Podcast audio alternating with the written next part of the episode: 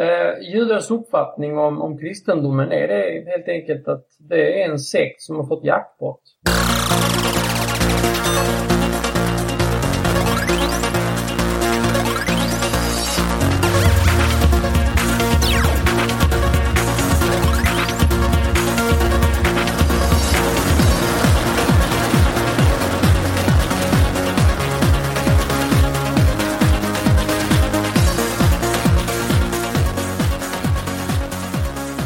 Välkommen till avsnitt 60 av podcasten Mellan svart och vitt.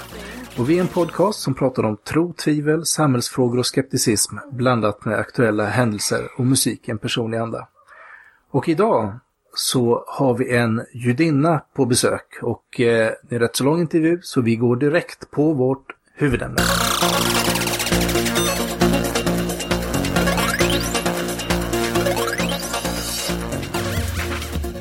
Då så har vi nöjet att hälsa Emilia Miskevich. Eh, välkommen till Mellan svart och vitt. Välkommen. Tack så mycket. Tack. Eh, skulle du kunna berätta lite om dig själv? Ja, jag är 32. Har två barn, gift. Eh, jobbar på Försäkringskassan. Eh, bor i Köpenhamn numera. Sedan två månader ungefär. Eh, är judinna. Mm. Ja, eh, typ. Eh, född här i Sverige eller? Ja. Du kallar det för ortodox. Eh, en ortodox judinna då. Eh, finns det några andra epiteter förutom ortodox inom judendomen? Eh, jag vill inte säga att jag kallar mig för ortodox. Jag är judinna och sen... Finns det skillnader för, från personer som är ortodoxa judar och de som inte är ortodoxa, så att säga? Ja, alltså den beteckningen ortodox eller eh, finns även konservativ och reform. Eh, det är mer liksom hur, i vilken, ska man säga, hur man förhåller sig till, till Toran. De som betecknas som ortodoxa eller i vissa sammanhang även som ultraortodoxa är ju de som mer följer Toran så som den står skriven. Medan konservativa och reform mer försöker anpassa Toran till um, det moderna samhället. Okej, okay. så jämförbart med bokstavstroende kristna då kan man säga. Hur, men du, du har inte identitet i någon av de här epiteten eller du? Nej, nej alltså jag, jag ser mig själv, mig själv som judinna och eh, försöker följa Toran så mycket som jag, som jag kan. Mm. Hur, eh, vilka är judendomens heliga skrifter? Och det finns ju, det är Toran förstås, men det, det, finns ju även andra skrifter runt omkring. Eh, vilka, vilka är det som du håller högt? Och vad har de liksom för auktoritet i ditt liv om man säger så? Uh, alltså jag vill väl inte säga att jag följer en, en bok så, utan det är väl Toran, alltså de fem, man ska från de fem Moseböckerna, så har ju rabbiner och lärda genom åren uttolkat och omvärderat det till olika, vad man kallar för mitzvot. Det, alltså, Toran har, eller judar har eh, 613 mitzvot och en Mitzvot är då plural och mitzva är singular. Och det är vad man skulle kalla för ett, ett bud. Det är någonting som man ska göra eller man inte ska göra. Som att hålla kosher, det vill säga att äta en viss sorts mat och avhålla sig från att äta viss sorts mat eh, är ett bud. Okay. Och att hålla shabbat är ett annat bud, alltså en annan mitzva. Eh, att ge eh, pengar till välgörenhet är också en mitzva. När man läser Toran på hebreiska så är orden och alltså det är svårt att förklara så här liksom när man inte själv, jag är, är inte så kunnig på det men eh, men ordens placering och viss mån varför man tar upp ett visst ämne vid ett visst tillfälle eh, har gjort att de som har kunnat det här väldigt bra har kunnat liksom tolka ut. Och det är där man har fått eh, det som kallas för den muntliga eh, Toran. Okej. Vilket dock är liksom består av många olika böcker. Bland, alltså där då Talmud är väl den som är mest känd. Eh, enligt Toran så har ju, eller enligt judendomen så fick ju Moses, de, de fem Moseböckerna har Moses skrivit själv. Och eh, men sen den muntliga torran var, var liksom som ett komplement till eh, den nerskrivna torran, alltså de fem Moseböckerna. Eh, men det var aldrig tänkt att det skulle vara eh, nerskrivet, utan det skulle vara en muntlig tradition som gick liksom från person till person genom, genom åren. Okej. Men det var först senare som det blev mm, eh, nedskrivet för att man var rädd att det annars skulle gå förlorat. Det var genom historien har det, det judiska folket genomlidit olika ja, pogromer och eh, andra förföljelser. Och man var, hel- var rädd att eh, om man inte skrev ner det så skulle kunskapen gå förlorad. Och då valde man att skriva ner det. Mm.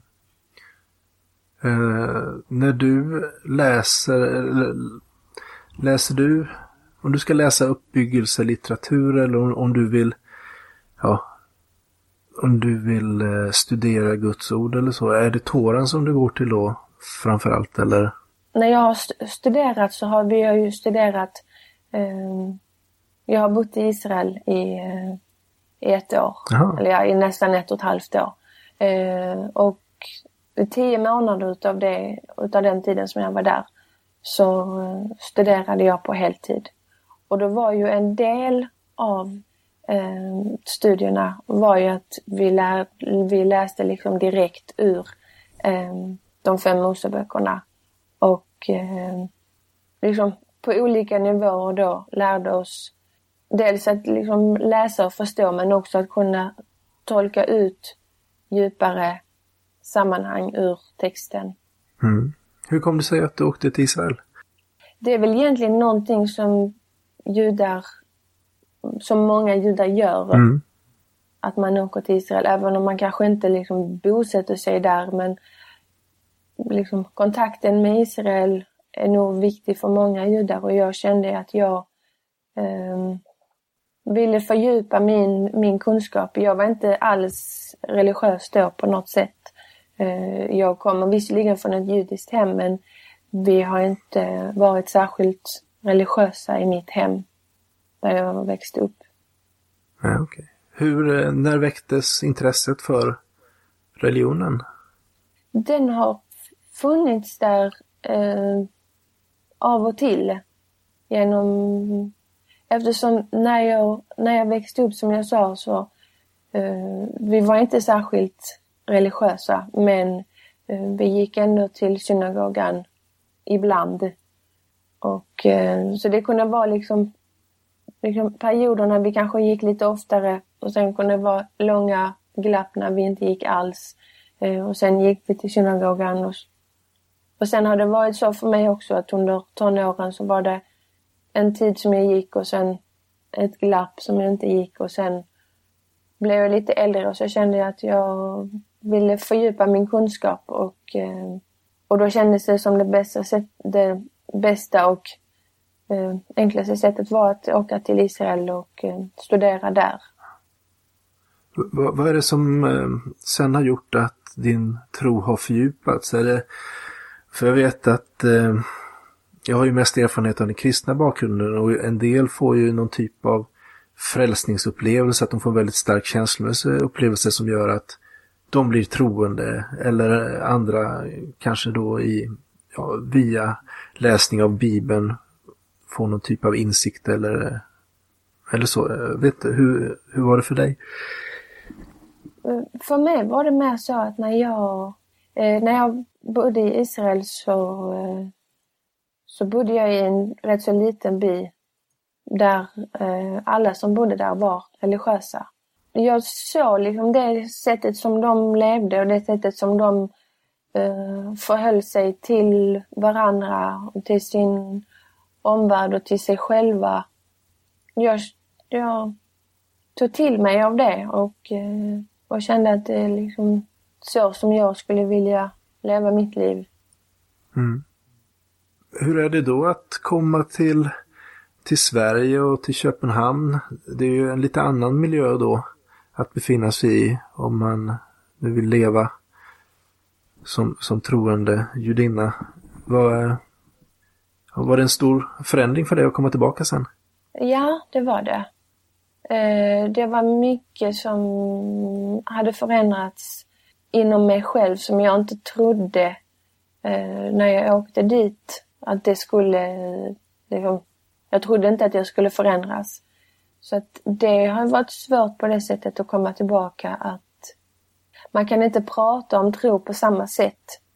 Alltså om man, med vem som, om man nu tar vem som helst på jobbet eller um, folk man träffar så är det mycket svårare att prata om tro även bland judar i Sverige okay. än vad det var där.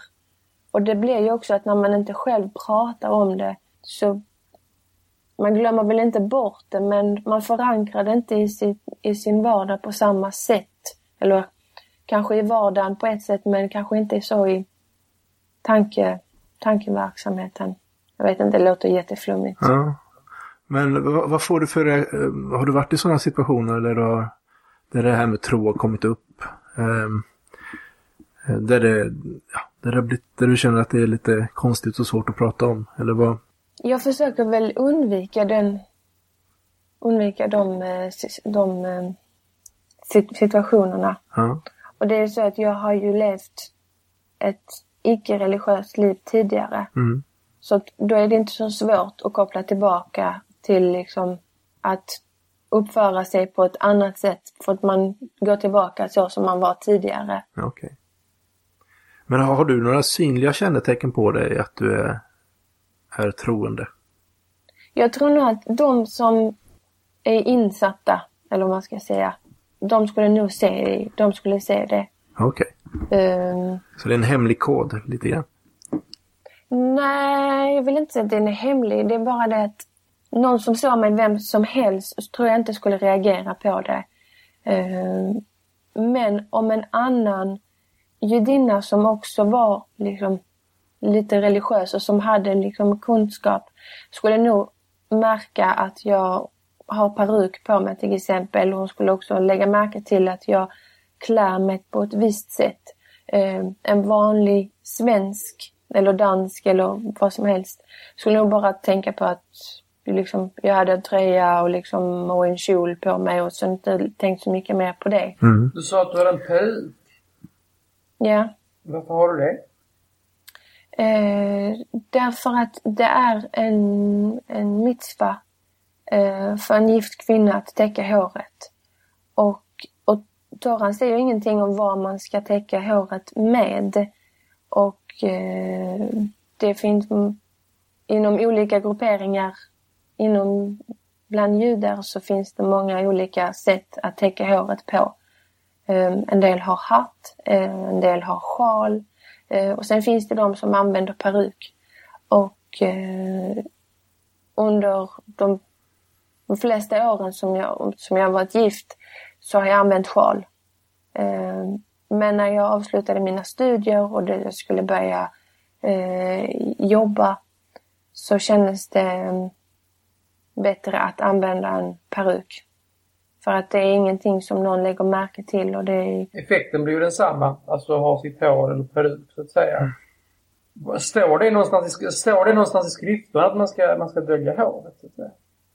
Eh, det som står, det står i eh, eh, ett avsnitt i, i Toran. Jag kan inte återge Nej. vilken, vilken bok det är eller paragraf eller något sånt. Men du sa ju då att det var en mitzva då och du nämnde innan att det fanns 613 mm. mitzvas. Då, håller du allihopa? Nej, Nej. Eh, det, det, det, det, går inte att hålla allihopa. Nej, men försöker du hålla allihopa? Eh, de flesta är det inte möjligt att hålla. Nej, För att okej. vi har, eh, det är många som är kopplade till, till dels till landet Israel. Eh, inte staten Israel utan landet Israel.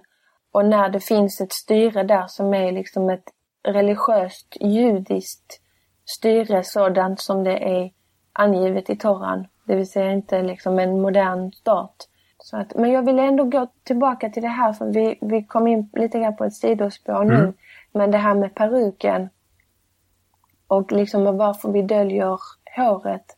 Och för det står i Toran, det är ett avsnitt eh, som berättar om, om en kvinna som har blivit anklagad för att vara otrogen. Och då beskrivs en process som kvinnan ska gå igenom för, eh, för att liksom man ska då kunna säkerställa om hon har varit otrogen eller inte.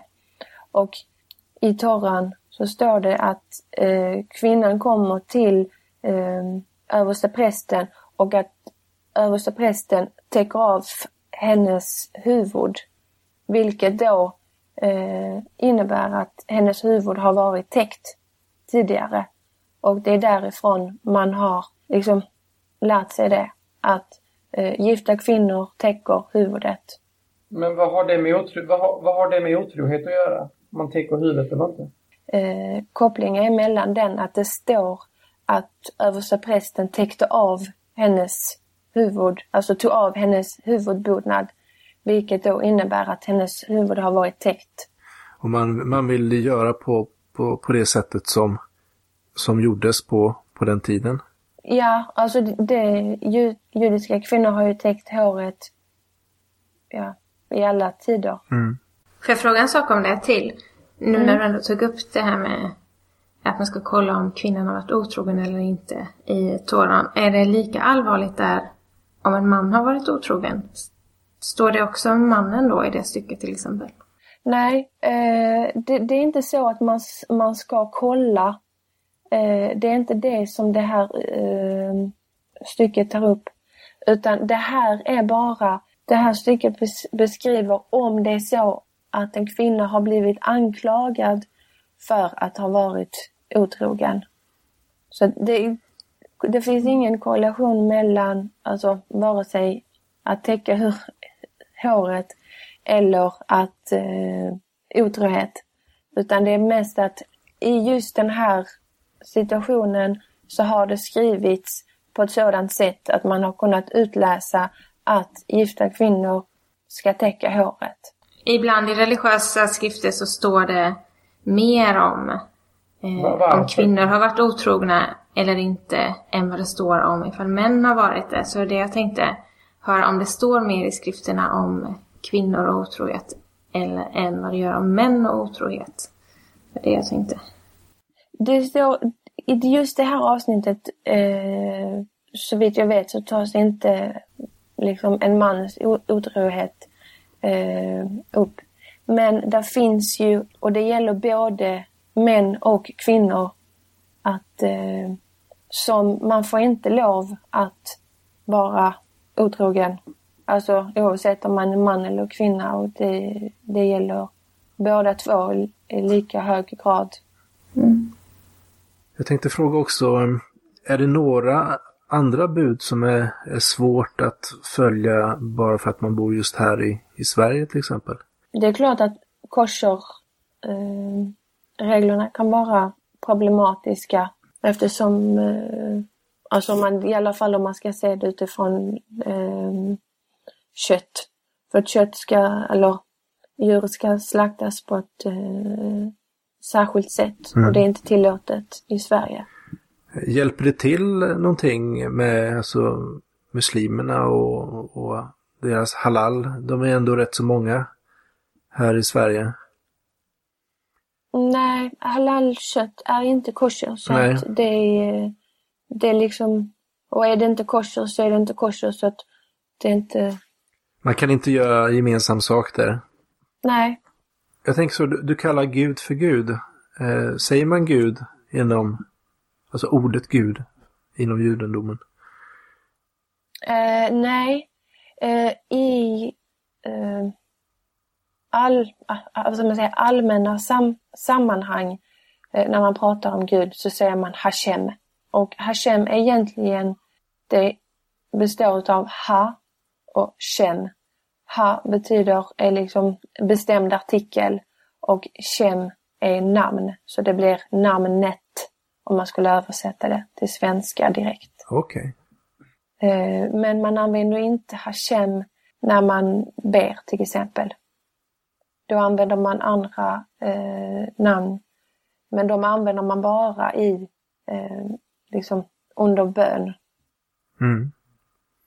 Och det här, alltså Guds eh, namnet eh, Jag är eller JHVH. Mm. Eh, uttalar man det? Nej, Nej. det uttalar man inte alls. Det står skrivet i, eh, i, i alla böner och så. Eh, så, så är det ju det namnet. Eh, oftast förkortat så man inte skriver ut, eh, ut det namnet. Men Nej. man säger ju inte det utan man uttalar det på ett annat sätt. Eh, ett namn som man egentligen inte heller ska säga annat än eh, vid bön. Så att jag kommer göra som så att när jag säger det nu så kommer jag dela upp det i två stavelser. Eh, och det är Adonai. Så man säger det liksom som ett Ja. ord tillsammans. Det Okej. är det man säger istället.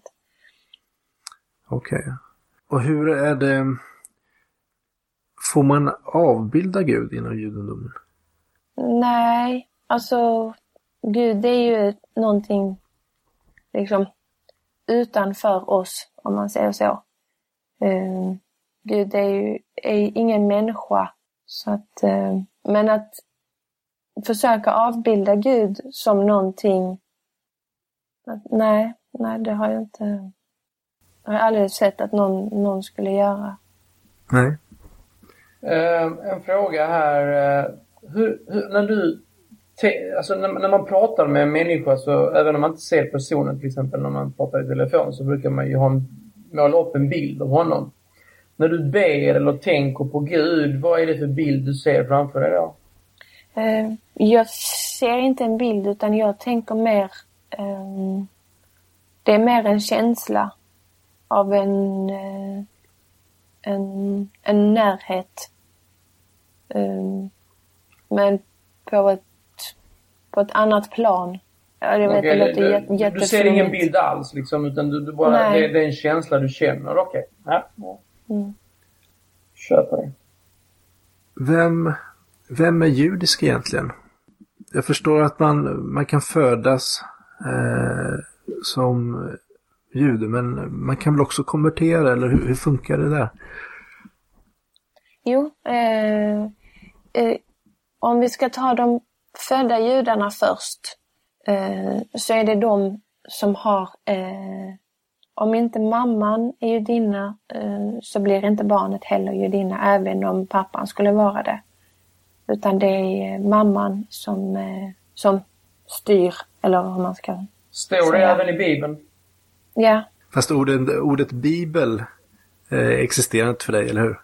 Jag kallar den Bibeln del 1 och sen Bibeln del 2. Jo, men, men jag menar för Emilia och...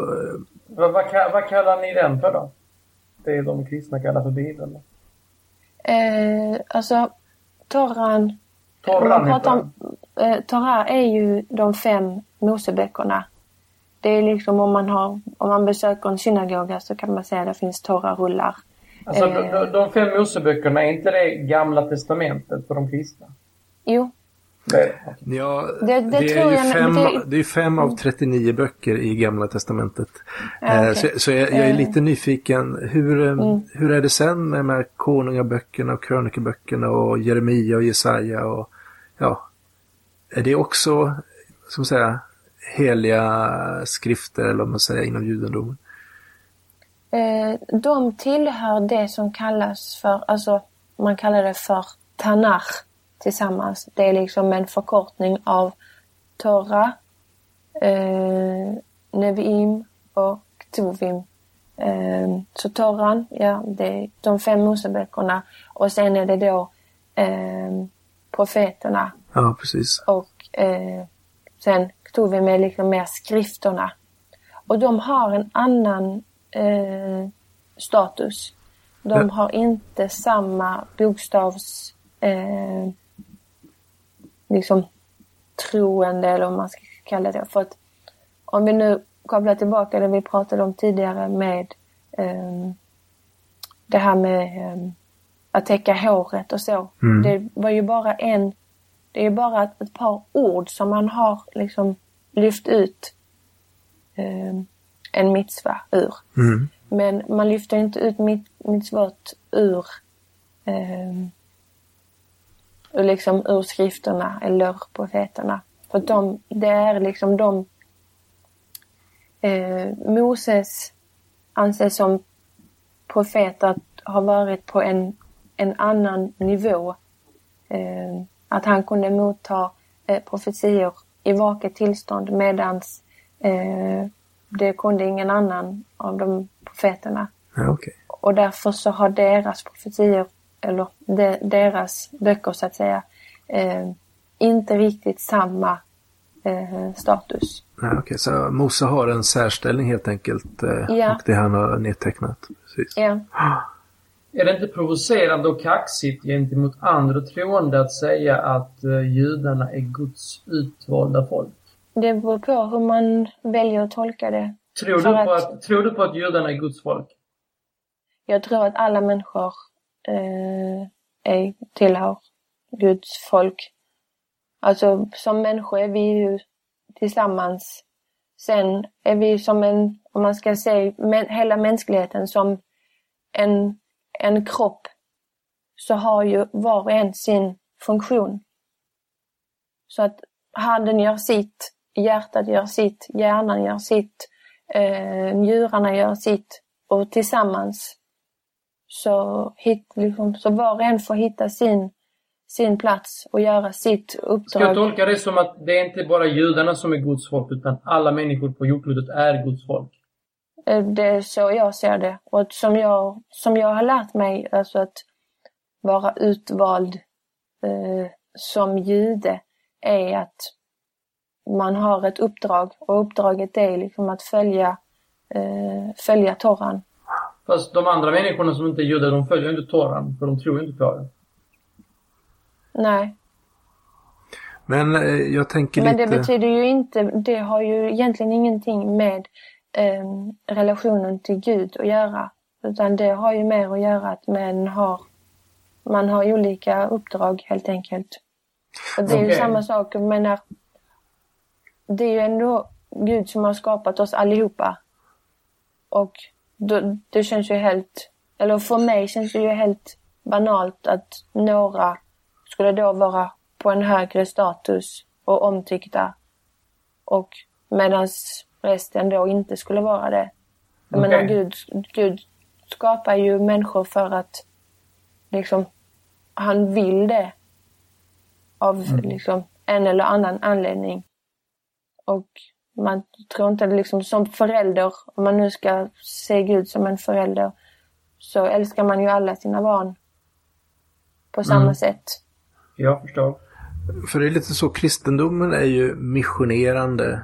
Eh, Jesusordet är ju att gå ut och göra alla folk till, till lärjungar. Men jud, judarna är väl i regel inte missionerande, eller?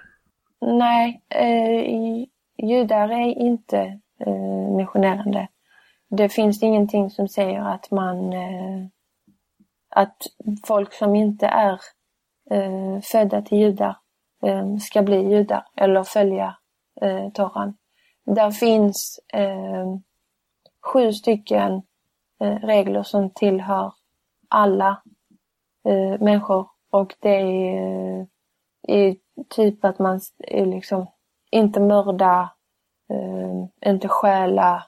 Ja, det är liksom på den nivån. Mm. Sen är det, har ju liksom judar, liksom de andra då upp till 613. Mm. Var, varför har manliga ortodoxa judar sådana här tinningslockar hängandes på sidorna av huvudet?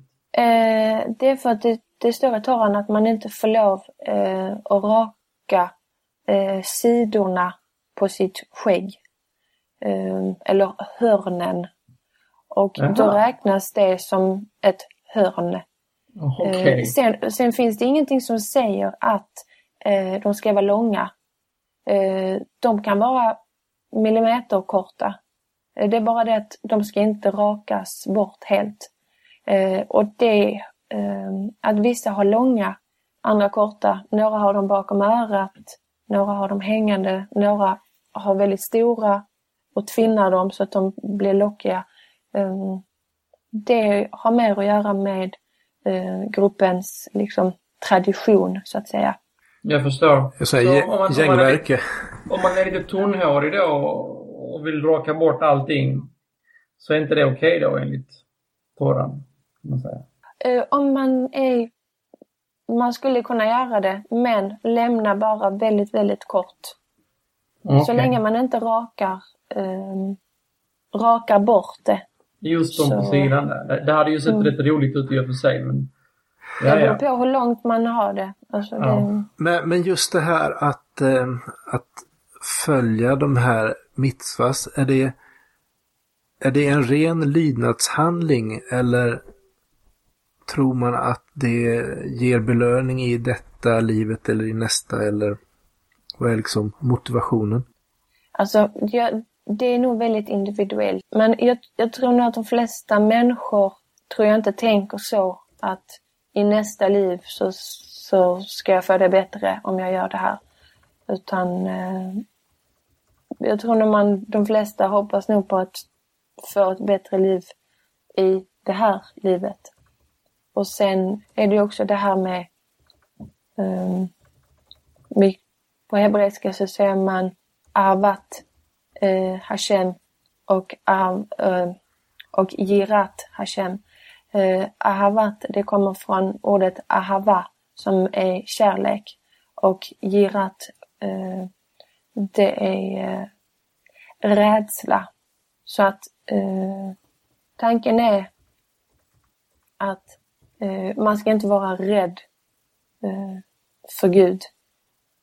Utan man ska följa, man ska inte följa eh, buden för att man är rädd att man ska få ett straff. Mm. Utan man ska följa dem eh, av kärlek. För att när, om man älskar någon eh, så vill man göra det som gör den, den personen glad. Nu är inte Gud en person men eh, jag tror ändå ni förstår Mm. poängen att eh, Men låt oss säga att jag ehm, att jag skulle vilja ehm, jag skulle vilja komma närmare Gud. Eller så. Och jag är inte eh, jag är inte judisk. Vad säger Alltså om, om jag skulle komma till, till ett eh, söka mig till synagogan eller söka mig till troende judar. Vad, vad, skulle de, vad skulle man säga då? Att, har du funderat på att konvertera till judendomen eller skulle man uppmuntra en att söka Gud i, inom andra områden? Eller andra religioner eller så? Eh, jag tror att eh, man skulle nog mer bli liksom informerad om alltså de, de regler som enligt judendomen då gäller för icke-judar. Eh, man skulle inte uppmuntras att, att konvertera. Nej, okej. Utan genom att följa de här reglerna, rätt så eh, generella regler som, som jag tror många kan eh, Mm. hålla med varandra om. Det, är, är det, vad ska man säga, är det hedningarnas väg till, till Gud? Kan man säga så? Det är ju nog snarare på en egen eh, nivå. Alltså, alltså mer känslomässig, eh, själslig eh, nivå. Reglerna som sådana är ju mer praktiskt utövande. Det är mer liksom gör si, gör så, Mm. gör inte det, gör inte så. Det är väl inte genom att... Sen kan man ju såklart koppla det till... Jag kan ju koppla det till exempel lättare kanske som jag har fler mitzvot att välja mellan. Det är liksom, jag har inte lust att eh, vara otrogen och jag har inte lust att vara eh, mörda någon eller stjäla från någon. Men eh, om jag till exempel eh, jättegärna skulle vilja äta en glass eh, som är gjord på mjölk efter att jag ätit kött. Eh, och då måste jag vänta sex timmar. Så att, då kan jag känna att ja, men jag, jag väntar. Jag behöver vänta den här eh, perioden. Och då kan jag göra det. Och i den, liksom, när jag gör det så kan jag liksom känna att jag gör det för, liksom, ja, för Hashem. Mm. Eller vad man ska säga. Mm. Får jag ställa en fråga om det här med alla de här reglerna och så? Jag tänker det står så mycket regler och påbud i de här skrifterna. Eh, och så nämnde du att det här med täcka håret till exempel, det har man lyft fram fastän att det bara står på ett enda ställe. Vem är det som väljer ut vad som är viktigt att följa och inte? Och hur mycket känner du att du kan välja det själv? Jag vet inte riktigt om jag förstod frågan för att det är inte så här att alltså det som har tolkats ut ur, ur, eh, ur Toran, alltså ur de fem Moseböckerna och det som är eh, då den muntliga Toran, den gavs också vid Sinai-berget. Eh, men det var ju som jag sa tidigare, det var tänkt som en muntlig eh, tradition så det var ju inte någonting eh, som skrevs ner då utan som sagt det skrevs ner eh, vid senare tillfälle. Så att där är det ju inte på det sättet någon som har eh, tolkat ut det. Sen är det ju så att var och en har sin fria vilja och eh, var och en får välja själv eh, vad han eller hon vill, vill göra. Och liksom vad man vill följa och vad man inte vill följa. Det är liksom mm. ett, ett individuellt val. Vad blir konsekvensen av, eh, av det? Förstår du vad jag menar? Om man tänker att man får välja själv eh, vad man vill följa. Är det för att man känner att eh, de här reglerna finns för att jag ska må bra och då väljer jag att följa dem jag mår bra av?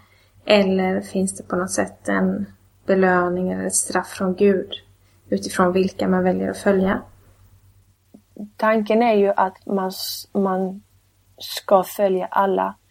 Vad jag menar med det är mer det att eh, på ett individuellt plan så har ju varje människa en fri vilja och kan ju säga att nej, jag vill inte följa det här, jag vill inte göra så. Och då gör inte den personen det. Sen vad det, vad det får för konsekvenser, det kan vara svårt att veta för det är ju inte så att om jag skulle äta någonting som inte var kosher så det är inte så att min arm skulle ramla av direkt. Men Nej. det är ju klart att det, det är klart det får en konsekvens för att om det inte får en konsekvens då har ju, då har ju, har ju Gud hittat på regler som inte har någon betydelse. Mm. Egentligen. För om det egentligen inte händer någonting överhuvudtaget så vad är då vitsen med att ha regler? Sen är det kanske så att det händer på en, på en sådan nivå att man inte känner av det direkt.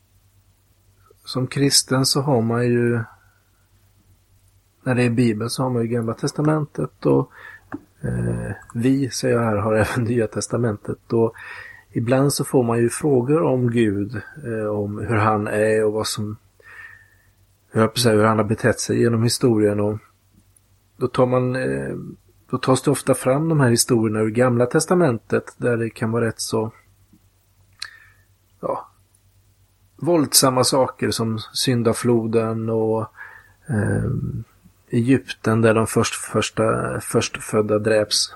Eh, där dödsängen går i Egyptens land. Och eh, även andra saker. Och då, då är det en, en del kristna som säger så här att ja men det, det var ju i det gamla förbundet, i det gamla testamentet. Och eh, i nya testamentet då har vi Jesus och det, eh, det är kärlekens budskap och, och så. Och försöker liksom säga att ja men den där eh, den här våldsamma guden som inte verkar så sympatisk, det var gamla testamentet. Och sen men eh, så kan inte ni göra, höll på att säga. Är Gud god? Ja hur, hur ser ni på alltså, de här exemplen som jag tog upp med liksom syndafloden och eh, barnen i Egypten och sånt där. Hur, hur tänker ni kring de sakerna? För ni kan ju inte, ni har inget Jesuskort att slänga fram.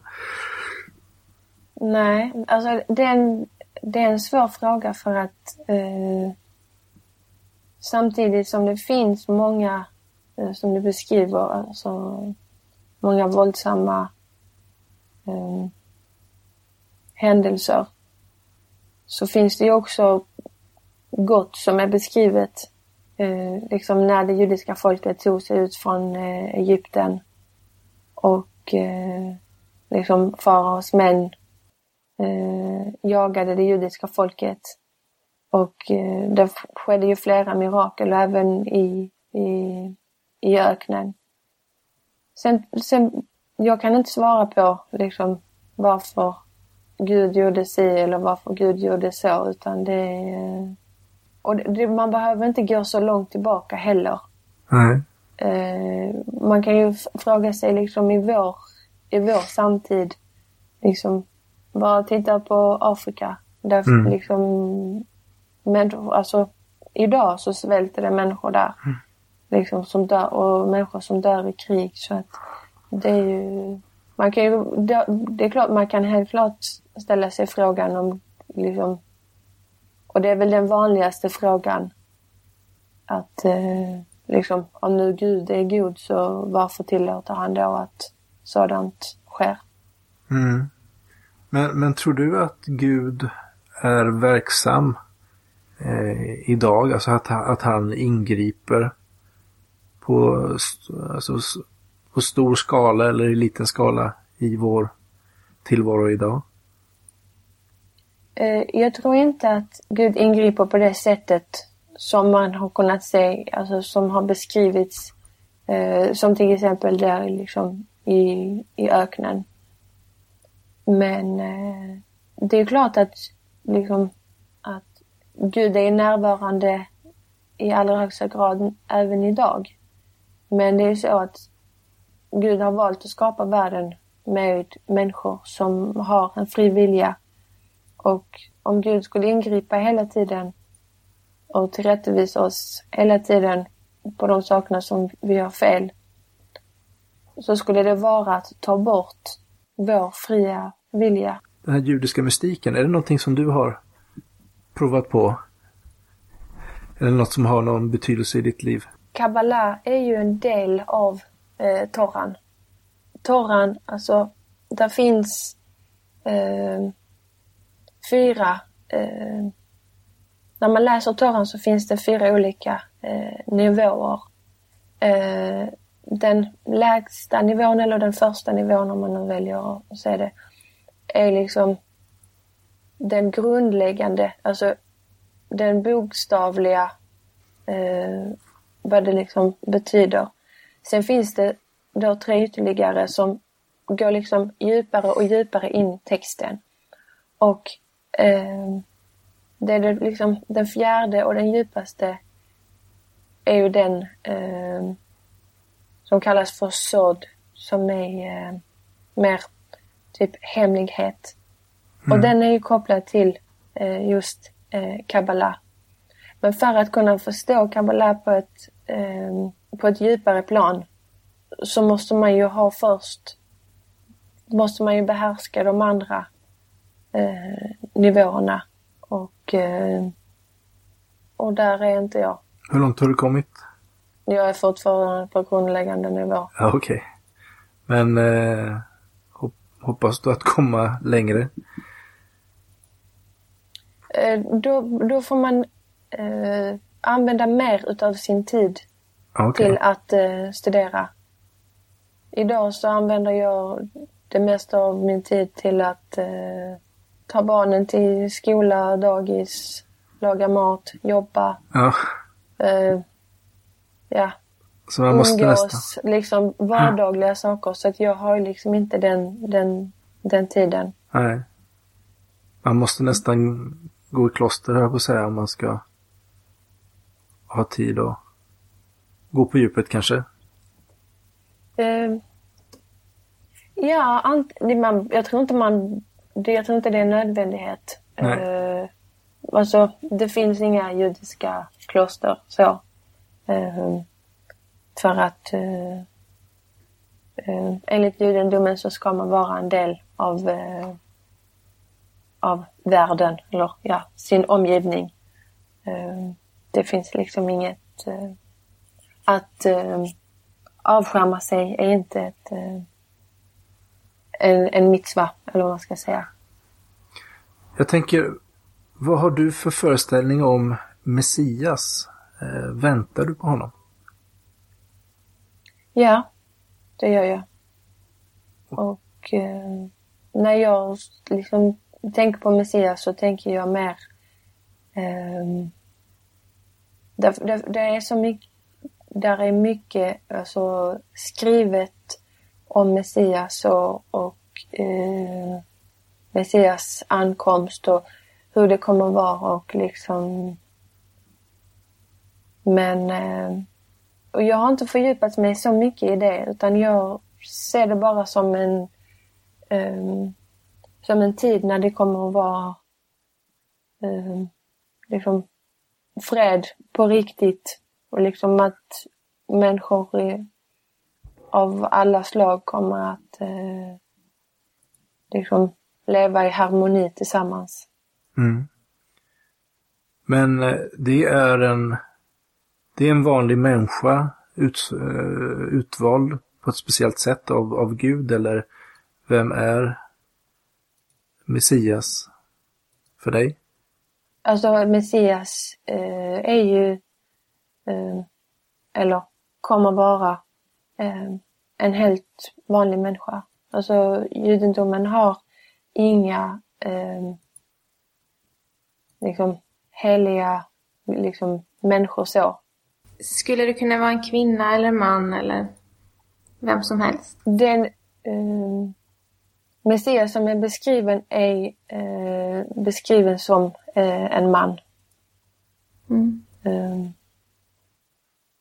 Hur, om man ser eh, kristna tyckte ju att, eh, att Jesus eh, var den som uppfyllde profetierna eller var den Messias som skulle komma.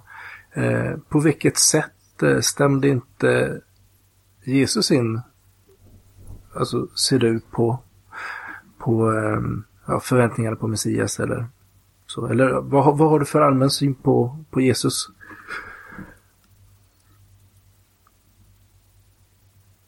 ja. ja, alltså jag, eh, jag är inte så förtjust i, i Jesus. Sen är det kanske inte liksom, det är väl mer kanske den efterföljande liksom religionen Ja. som eh, om Jesus var liksom bara någon som blev eh, utnyttjad av andra, det vet jag inte. Eh, liksom, som jag har förstått det så har ju liksom religionen skapats mer i efterhand. Ehm, men eh, det som jag tycker är, är tråkigt är ju den att det har blivit en... Alltså att det judiska folket har ju, för Jesus var ju jude, Mm. att eh, det har ju brutit inom judendomen. Eller inte inom judendomen utan inom det judiska folket. Där, eh, där judar valde att liksom gå emot Toran. Eh, judars uppfattning om, om kristendomen, är det helt enkelt att det är en sekt som har fått jackpot?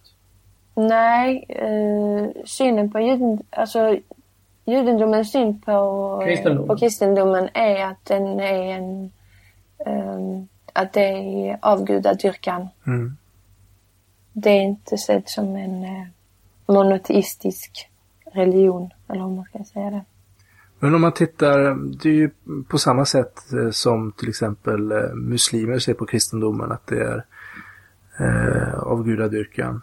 Men om man jämför till exempel judendom och islam så det finns ju väldigt många likheter om man bara ser eh, med yttre ögon. Att just att de är strikt monoteistiska, att man har eh, ja, man följer många lagar. Vi har det här med att ja, inte äta griskött till exempel, inte avbilda Gud. Eh, och ehm, ja, det finns säkert en, mängd andra saker också men ehm, så för, en, för någon utifrån kan det se som det finns väldigt mycket gemensamt. Hur är det, känner du dig närmare en, en muslim eller en kristen rent så här? Hur, hur ni ser på Gud? Uh, ja, det är, det är svårt att säga. Alltså de, mm, de troende muslimer som jag har träffat, uh, det har ju varit då i, när jag bodde i Israel. Så då har vi ju kunnat liksom diskutera och prata och då har vi ofta liksom kunnat hitta eh, mycket likheter mellan våra olika trosuppfattningar. Mm. Jag har aldrig fått, jag har aldrig haft den eh, kontakten med någon alltså eh, religiös eh, kristen. Ja, okay.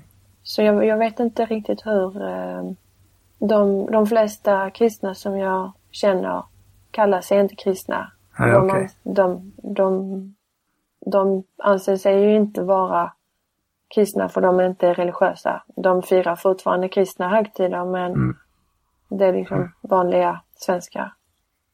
Både jag och Lisa är uppvuxna inom frikyrkan och där vurmar man ju mycket för Israel och det judiska folket. Där man eh, i regel tror att judarna har en speciell, ska man säga, en speciell funktion eller eh, och så. Och ja. eh, du får gärna fylla i här Lisa. Ja, det är ofta många pastorer och i gudstjänster som säger att vi måste, eller vi älska och välsigna Israel och be för Israel och mycket så. Håller du med? Och det är ju på ett sätt som, som inte är gentemot islam egentligen på det sättet utan eh, det är just att man, att man ser då judarna som Guds utvalda folk och och sen så att även om det var en del då som inte tog emot Messias när han kom så, så, så tror jag nästan att det finns någon idé om någon andra chans. Okay. när han kommer tillbaka nästa gång. Eh, jag har fått in några lyssnarfrågor också faktiskt. Johannes Axelsson som vi haft med i programmet några gånger, han är sjundedags adventist. Och eh, det som är lite speciellt med dem, det är att de firar sabbat på lördag. Eh, eller de har det som sin dag istället för söndagen som eh, de flesta andra kristna eh, rörelser. Och han undrar vad sabbatsdagen betyder för dig och varför det är viktigt att det är en viss dag. Jag pratade just om, eh, om shabbat, eller ja, sabbaten, eh, med min son som är sju år. Och, eh, och jag berättade och han han är inte så förtjust i shabbat. vad innebär så, det för honom att det är shabbat? Så att, uh, det innebär ungefär vad det innebar för mig när jag var barn och jag förklarade för honom att jag inte heller tyckte om shabbat när jag var mm. liten. Um, eftersom det är mycket, man är ganska så begränsad. Um, och här är det också återkopplat till det du pratade om tidigare om man, svårigheter att leva som jude i Sverige. Och eh, det är ingen skillnad från i Köpenhamn kan jag säga. Att, eh, för det är så här att på Shabbat så får man inte lov att eh, bära med sig saker ut. Det betyder att om man går någonstans eh, till en lekplats så kan man inte ta med sig en boll eller man kan inte ta med sig sin skateboard eller sin cykel. Um, och eh, vi använder inte några elektriska apparater. Så vi tittar inte på TV, använder inte dator, inte iPad. Det hade inte jag när jag var barn men... Eh, det är svårare men... att vara, att vara rätt trogen jude idag. Jag tänker mig då med alla iPads och så. Ja. Så att där, och det, det är liksom... På, för min son så ser han ju bara begränsningarna och tycker att eh, det är jobbigt. Mm. Och det gör det ju mer utmanande för mig liksom att ändå fylla dagen med mening utan att behöva ha en TV eller en iPad. Och eh, Ibland så lyckas har man bättre än andra. Eh, jo, vi har en TV. Den är inte inkopplad, men vi har en TV. Betalar du tv-licens? Eh, ja. Ja. Nu bor jag inte längre i, i Sverige, men eh, jag betalar en TV-licens, ja. Men vad, vad har du för knep då att eh, liksom göra de här sabbatsdagarna roliga för, för din son? Har du något? Nej, Jag skulle nog behöva fler knep. Okej. Jo, nej men så, det gäller nog eh, alla Nej, föräldrar men det, oavsett. det, är ju mer, det är ju mer att ehm, eh, Mm. ja, spendera tid med barnen. Gå, gå ut och leka med dem på en lekplats. Äta tillsammans, sitta liksom vid bordet och prata och liksom diskutera. Läsa böcker, eh, spela spel. eh, typ sådär. Alltså, liksom sabbaten i korta drag är ju det att vi gör ingenting som, eh, som kallas för arbete. Och eh, det som är arbete, det, eller det som betecknas som arbete, är inte ens yrke. Utan, för då skulle ju var och en, ja, då skulle ju ena kunna jobba med det ena och den andra med det andra och så skulle man byta på shabbat. Mm. Utan det är när eh, det judiska folket vandrade i öknen. Eh, så hade vi ett portabelt tempel som eh, kallades för Mishkan. Och eh, varje gång som man eh, flyttade från en plats till en annan så behövdes det här eh, templet att packas ner och när man då eh, kom till det nya stället så skulle det packas upp igen. Och det fick man inte lov att göra på Shabbat. Och då har man då sett att där är 39 stycken vad man kallar för huvudarbeten eller huvud, liksom, arbetsuppgifter. Där man sen har eh, och, det, och det är ju någonting som sen har liksom kopplats till eh, eh, liksom det moderna samhället. Där liksom rabbiner genom åren har... När man hade Mishkan så hade man inte bilar. Så hur kan man då säga att man inte får lov att köra bil på Shabbat? Mm. Eh, men då är det flera olika saker. Eh, det ena var att i Mishkan så fanns där eh, altare. Och i altaret så skulle, tände man eld. Och man använde också eld när man tillverkade färgen för tygerna. När man liksom hettade upp, liksom kokade ullen i, eh, i färgbad. Så att, att göra upp eld är förbjudet på Shabbat. Och en del i att köra bil är ju att man tänder, det uppstår ju en gnista när man startar bilen. Och därför så, det är på samma sätt som vi eh, tänder och släcker inte lampor. Man får inte heller lov att eh, släcka eld. Tror du på himlen? Eller vad händer, jag säga, efter livet? Hur, hur ser man på liksom vad som händer efter livet? Inom din... Ja, ja det, det, jag tror att på liksom ett liv eh, efter döden. Och, eh, och det är för att det var, så, det var en kompis till mig som hade delat en bild eh, på Facebook. Inte hennes bild säkert. Men eh, där det stod eh, på engelska eh, You don't have a soul, you are a soul. Mm. Och, det kopplar tillbaka till, när jag läste det så kom jag ihåg eh, något som jag hade hört på en eh, föreläsning för tio år sedan ungefär. Eh, där en rabbin förklarade att eh, kroppen eh, är för själen eh, ungefär så som ett par skor är för kroppen. Skorna gör att det liksom det är lättare att eh, gå utomhus. Liksom, det gör inte ont när man går. Eh, det är liksom som ett litet, som ett skydd så att säga. Men man skulle inte fråga sin, sina skor var man ska gå någonstans. Så på samma sätt så ska man inte fråga sin kropp liksom, vad ska vi göra idag? Utan det är själen som ska vara styrande, inte kroppen. Jag har en till lyssnarfråga här bara från Jimmy Byre. Han undrar hur det är att vara kvinna i en ortodox miljö jämfört med i en sekulär miljö. Och då tänker jag lite från när du kom från, från Sverige eller från Danmark då kom ner till eh, Israel. Liksom. Var, det, var det många saker som du snabbt liksom fick eh, förändra eftersom du var, var kvinna för att kunna ja, vara och leva i den miljön? Eh, det som jag fick eh, ändra var ju mest eh, klädseln. Mm. Men det, det var ingenting som jag hade något, eh, något problem med. Jag har aldrig, eh, även om jag har levt bland då vad andra kallar ultraortodoxa, så har jag aldrig på något sätt känt, eh, känt mig åsidosatt liksom för att jag skulle vara kvinna. Att liksom kvinnans ställning skulle på något sätt vara eh, lägre eller eh, sämre än, eh, än mannens. Och ska man då koppla det till en, eh, liksom ett sekulärt samhälle så har jag väl inte heller som kvinna i ett sekulärt samhälle känt mig åsidosatt heller. Nej. Så att, ja, nej men även om det är olika så tror jag nog att liksom, jag har känt mig hemma på båda, på båda ställen och aldrig känt mig eh, liksom, diskriminerad på något sätt. Men går du till en synagoga i Köpenhamn då, antar jag, nu för tiden?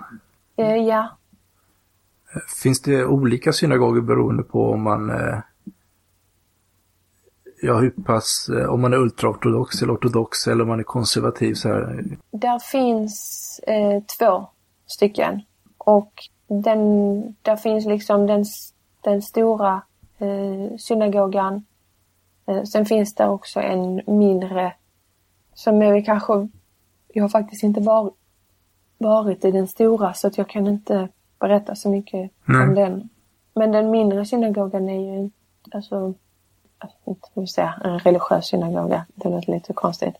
Men eh, det är ju mer en ortodox eh, synagoga så. Får vem som helst komma och hälsa på och gå på en, på en, eh, ja ni kallar det inte kanske gudstjänst men. Egentligen är det väl nog kanske lättare att, för mig att, beskriva hur, hur det är i, eh, i Malmö. Jag har som sagt bott Okej. i Köpenhamn i, två månader. Ja okej, jag förstår. Men eh, jag har bott större delen av mitt liv i Malmö. Och eh, i Malmö så finns det en synagoga. Och eh, på grund av lite grann situationen i Malmö och så som den har varit i ett antal år nu. Eh, så kan man inte utan att ha eh, först ha liksom anmält sig och, och eh, komma till synagogan som om man inte är då medlem i församlingen. Känner du eh, folk som har flyttat från Malmö på grund av ska säga, det dåliga klimatet som, som har varit för, för judar i Malmö? Ja. Det gör jag. Mm. Eh, skulle säga, är situationen allvarlig eller? Det är egentligen svårt att säga. Mm. Och det är ju så att den person som, som, som drabbas värst är ju den person, och egentligen den enda person eh, i Malmö som är eh, synbart jude. Mm. Eh, och det är ju rabbinen Schneur Kesselman. Och då är frågan liksom hur, om man ska applicera hur det, det som han utsätts för i ett större eh, sammanhang. Så att vad skulle då, vad skulle konsekvensen vara om fler personer visade öppet att de var judar? Skulle Mm. det minska eller skulle det då öka eh, incidenterna eller vad man ska säga? Ja. Jag, jag vet inte. Jag har, jag, ehm, jag har för, för lite insyn i eh, vad som driver personer att Mm. eh, ja, kasta äppelskuttar och spotta på en människa för att eh, han är jude. Så, Men, men var det en del av beslutet att flytta till Köpenhamn eller var det helt andra skäl? det är in, inte helt andra skäl. Det är främsta skälet till att vi flyttade till eh, Köpenhamn var att eh, Köpenhamn är den närmsta staden eh, som har en judisk skola. Okej. Eh, och, eh, och när man hör judisk skola så kanske man tänker att det är liksom en religiös eh, skola. Men det är egentligen en, en skola lik många andra skolor. Det är inte direkt någon eh, religiös eh, undervisning på det sättet. Och eh, anledningen till att min son går där är för att jag vill att han ska kunna gå i en skola eh, som jude utan att vara annorlunda och kunna vara sig själv utan att behöva vara orolig eller ängslig för att någon ska ställa frågor och eh, någon ska ifrågasätta varför han eh, har eh, kippa, alltså Mm. den kalott som, eh, som judiska män har. Eh, eller varför han har PS, såna här tinningslockar som vi pratade om tidigare. De kallas för PS på Ja, jiddisch. Sen är det ju faktiskt, sen är det ju liksom rent, liksom, vad ska man säga, man vill det bästa för, för sina barn. Det är liksom en av Danmarks absolut bästa skolor. Och har eh, mycket bra resultat. Och jag kan se efter bara två månader att min, min son trivs mycket bra. Att det är en, en, en bra skola. Och jag hade inte kunnat hitta en bättre skola i Malmö. Men vad bra, vi får, vi får tacka för att eh, du vill vara med idag. Får Mm. önska all lycka till i Köpenhamn. Ja, Eh, tack så mycket.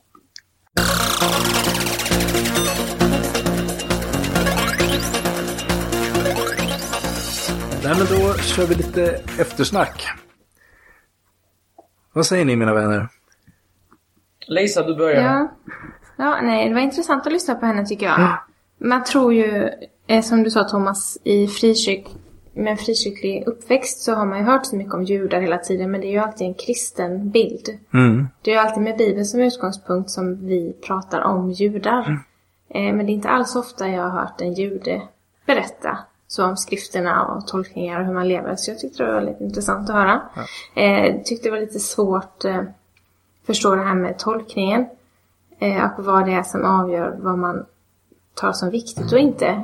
Och vilka de här personerna som väljer ut det är. Det fick jag inte så Jo, men på. det var ju så att eh, Mose han, han kom ju med alla buden och förhållningsreglerna. Eh, och hade ju då skrivit, skrivit, nedtecknat Moseböckerna. Men sen så var det också en muntlig tradition då också på Mose tid. Och det var, var den traditionen då som, eh, som de här 613 eh, mitzvarna som, som de hade liksom eh, tagits fram. Eh, så att det räknas väl också, ska jag tro, så att det, att det kommer från eh, mer eller mindre från Mose själv då. Ehm, men sen är det Men lite... det finns så mycket som står som man inte bryr sig om. Och så är det vissa saker man har tagit. Eh, jag så- tror de där ja. 613 är nog rätt heltäckande. Får Ja. nästan en känsla Ja. av. Eh, Men, eh, nej, men sen är det så, det är ju lätt att tro som, som kristen liksom att eh, ja, att, att eh, jud, alltså judarna är också på, är intresserade av, av den kristna tron på samma sätt som den kristna är lite intresserade av det judiska. Så. Ja. Eh, Men eh, så tror jag inte det är så mycket rent generellt sett. Och så jag tycker inte så mycket om Jesus. Nej, det hör man ju inte så ofta. De flesta som inte kanske tycker om kristna och sånt där brukar tycka att Jesus, eh, han var väl rätt okej i alla fall. Förutom då som menar att han var en galen sektledare, eh, så som bad en att hata sina föräldrar. Det, det finns ju den eh, synen också. Ja. Ehm, nej, men sen också som, som kristen så, så har det varit mycket att jag älskar din nästa som dig själv och ja, alla de där reglerna i Moseböckerna, det var, ja, det var då. Men eh, det här var ju något helt annat, tycker jag. Eh, Det var det. Och eh, om, vi, har, vi brukar ju ha tre frågor som vi brukar ställa oss på eftersnack. Och eh, jag tänkte besvara dem. ja, kör hårt. Eh, vad har jag lärt mig? Jo, jag har lärt mig att det finns judar som inte tycker att det endast är judarna som är Guds folk. Det var nytt för mig. De måste bara följa massa regler. Det räckte med sju för oss. Det ska vi väl klara Dragan, eller? Vad sa du? Eh, vi behövde ju inte följa 613 regler. Det var ju bara sju. Det ska vi väl klara. Ja, fast jag bryr mig inte om någon, något antal av regler som står i någon sagobok. Det vet du, Thomas. Ja, men... Eh, om jag ska svara på fråga nummer tre. Eh, var det något som jag blev förvånad över? Det blev jag. Jag blev förvånad över att Emilia hade en peruk. För att det stod någonstans i torran, vad det väl det hette.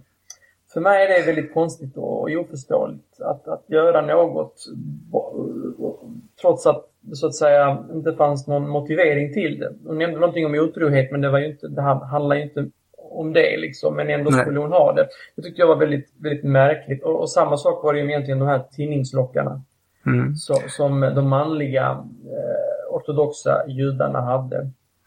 Nej, men det var ju lite det här med peruken var ju lite, lite fiffigt på något sätt också. Det var ju... Fiffigt, det var ju alltså, det är ännu konstigare liksom. Det är ju samma effekt. Har jag en peruk eller mitt vanliga hår, jag ger ju exakt ut exakt samma signaler.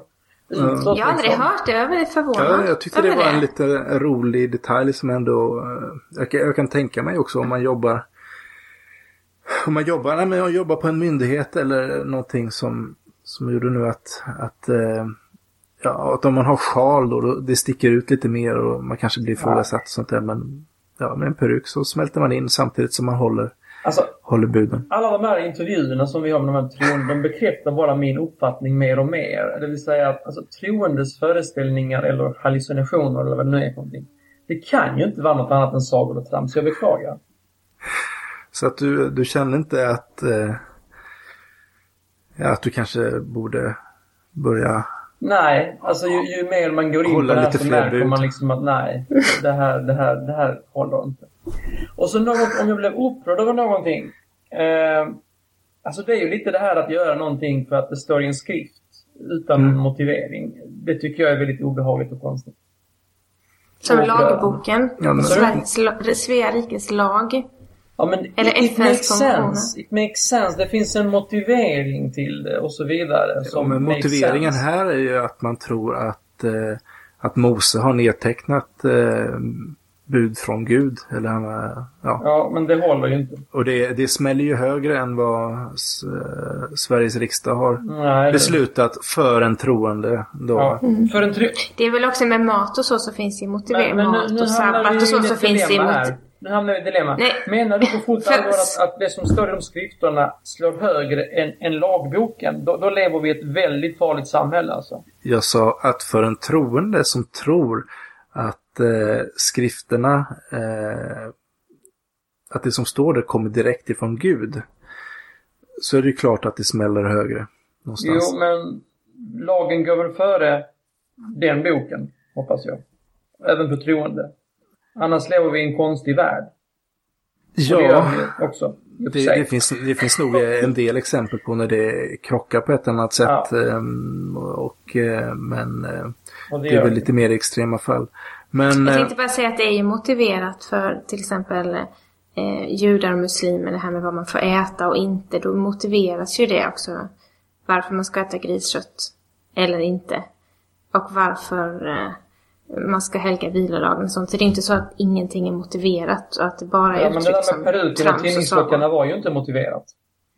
Nej Det men fattar vad jag menar. Kom, kom, ja, det, det finns säkert saker som de motiverar med, Ja. med konstigheter. Det där med griskött, det håller ju inte heller längre. ju. Alltså, det, Men det var ju motiverat då. Ja, för- kanske för enligt 2000 vissa motiverat nu. Det går alltså att du inte köper den motiv- motiveringen. Men det är inte detsamma som att säga att det här är helt omotiverat. Men sen måste jag säga att eh, jag är ju full av beundran för dem som verkligen tar det här på så stort allvar och vill liksom eh, ja, leva sitt liv efter att Ja, beundrar du det?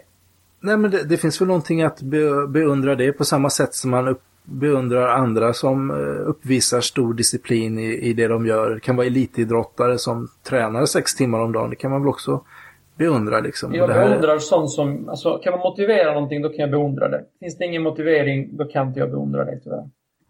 Så Nej, funkar men jag. Så det- funkar det- jag.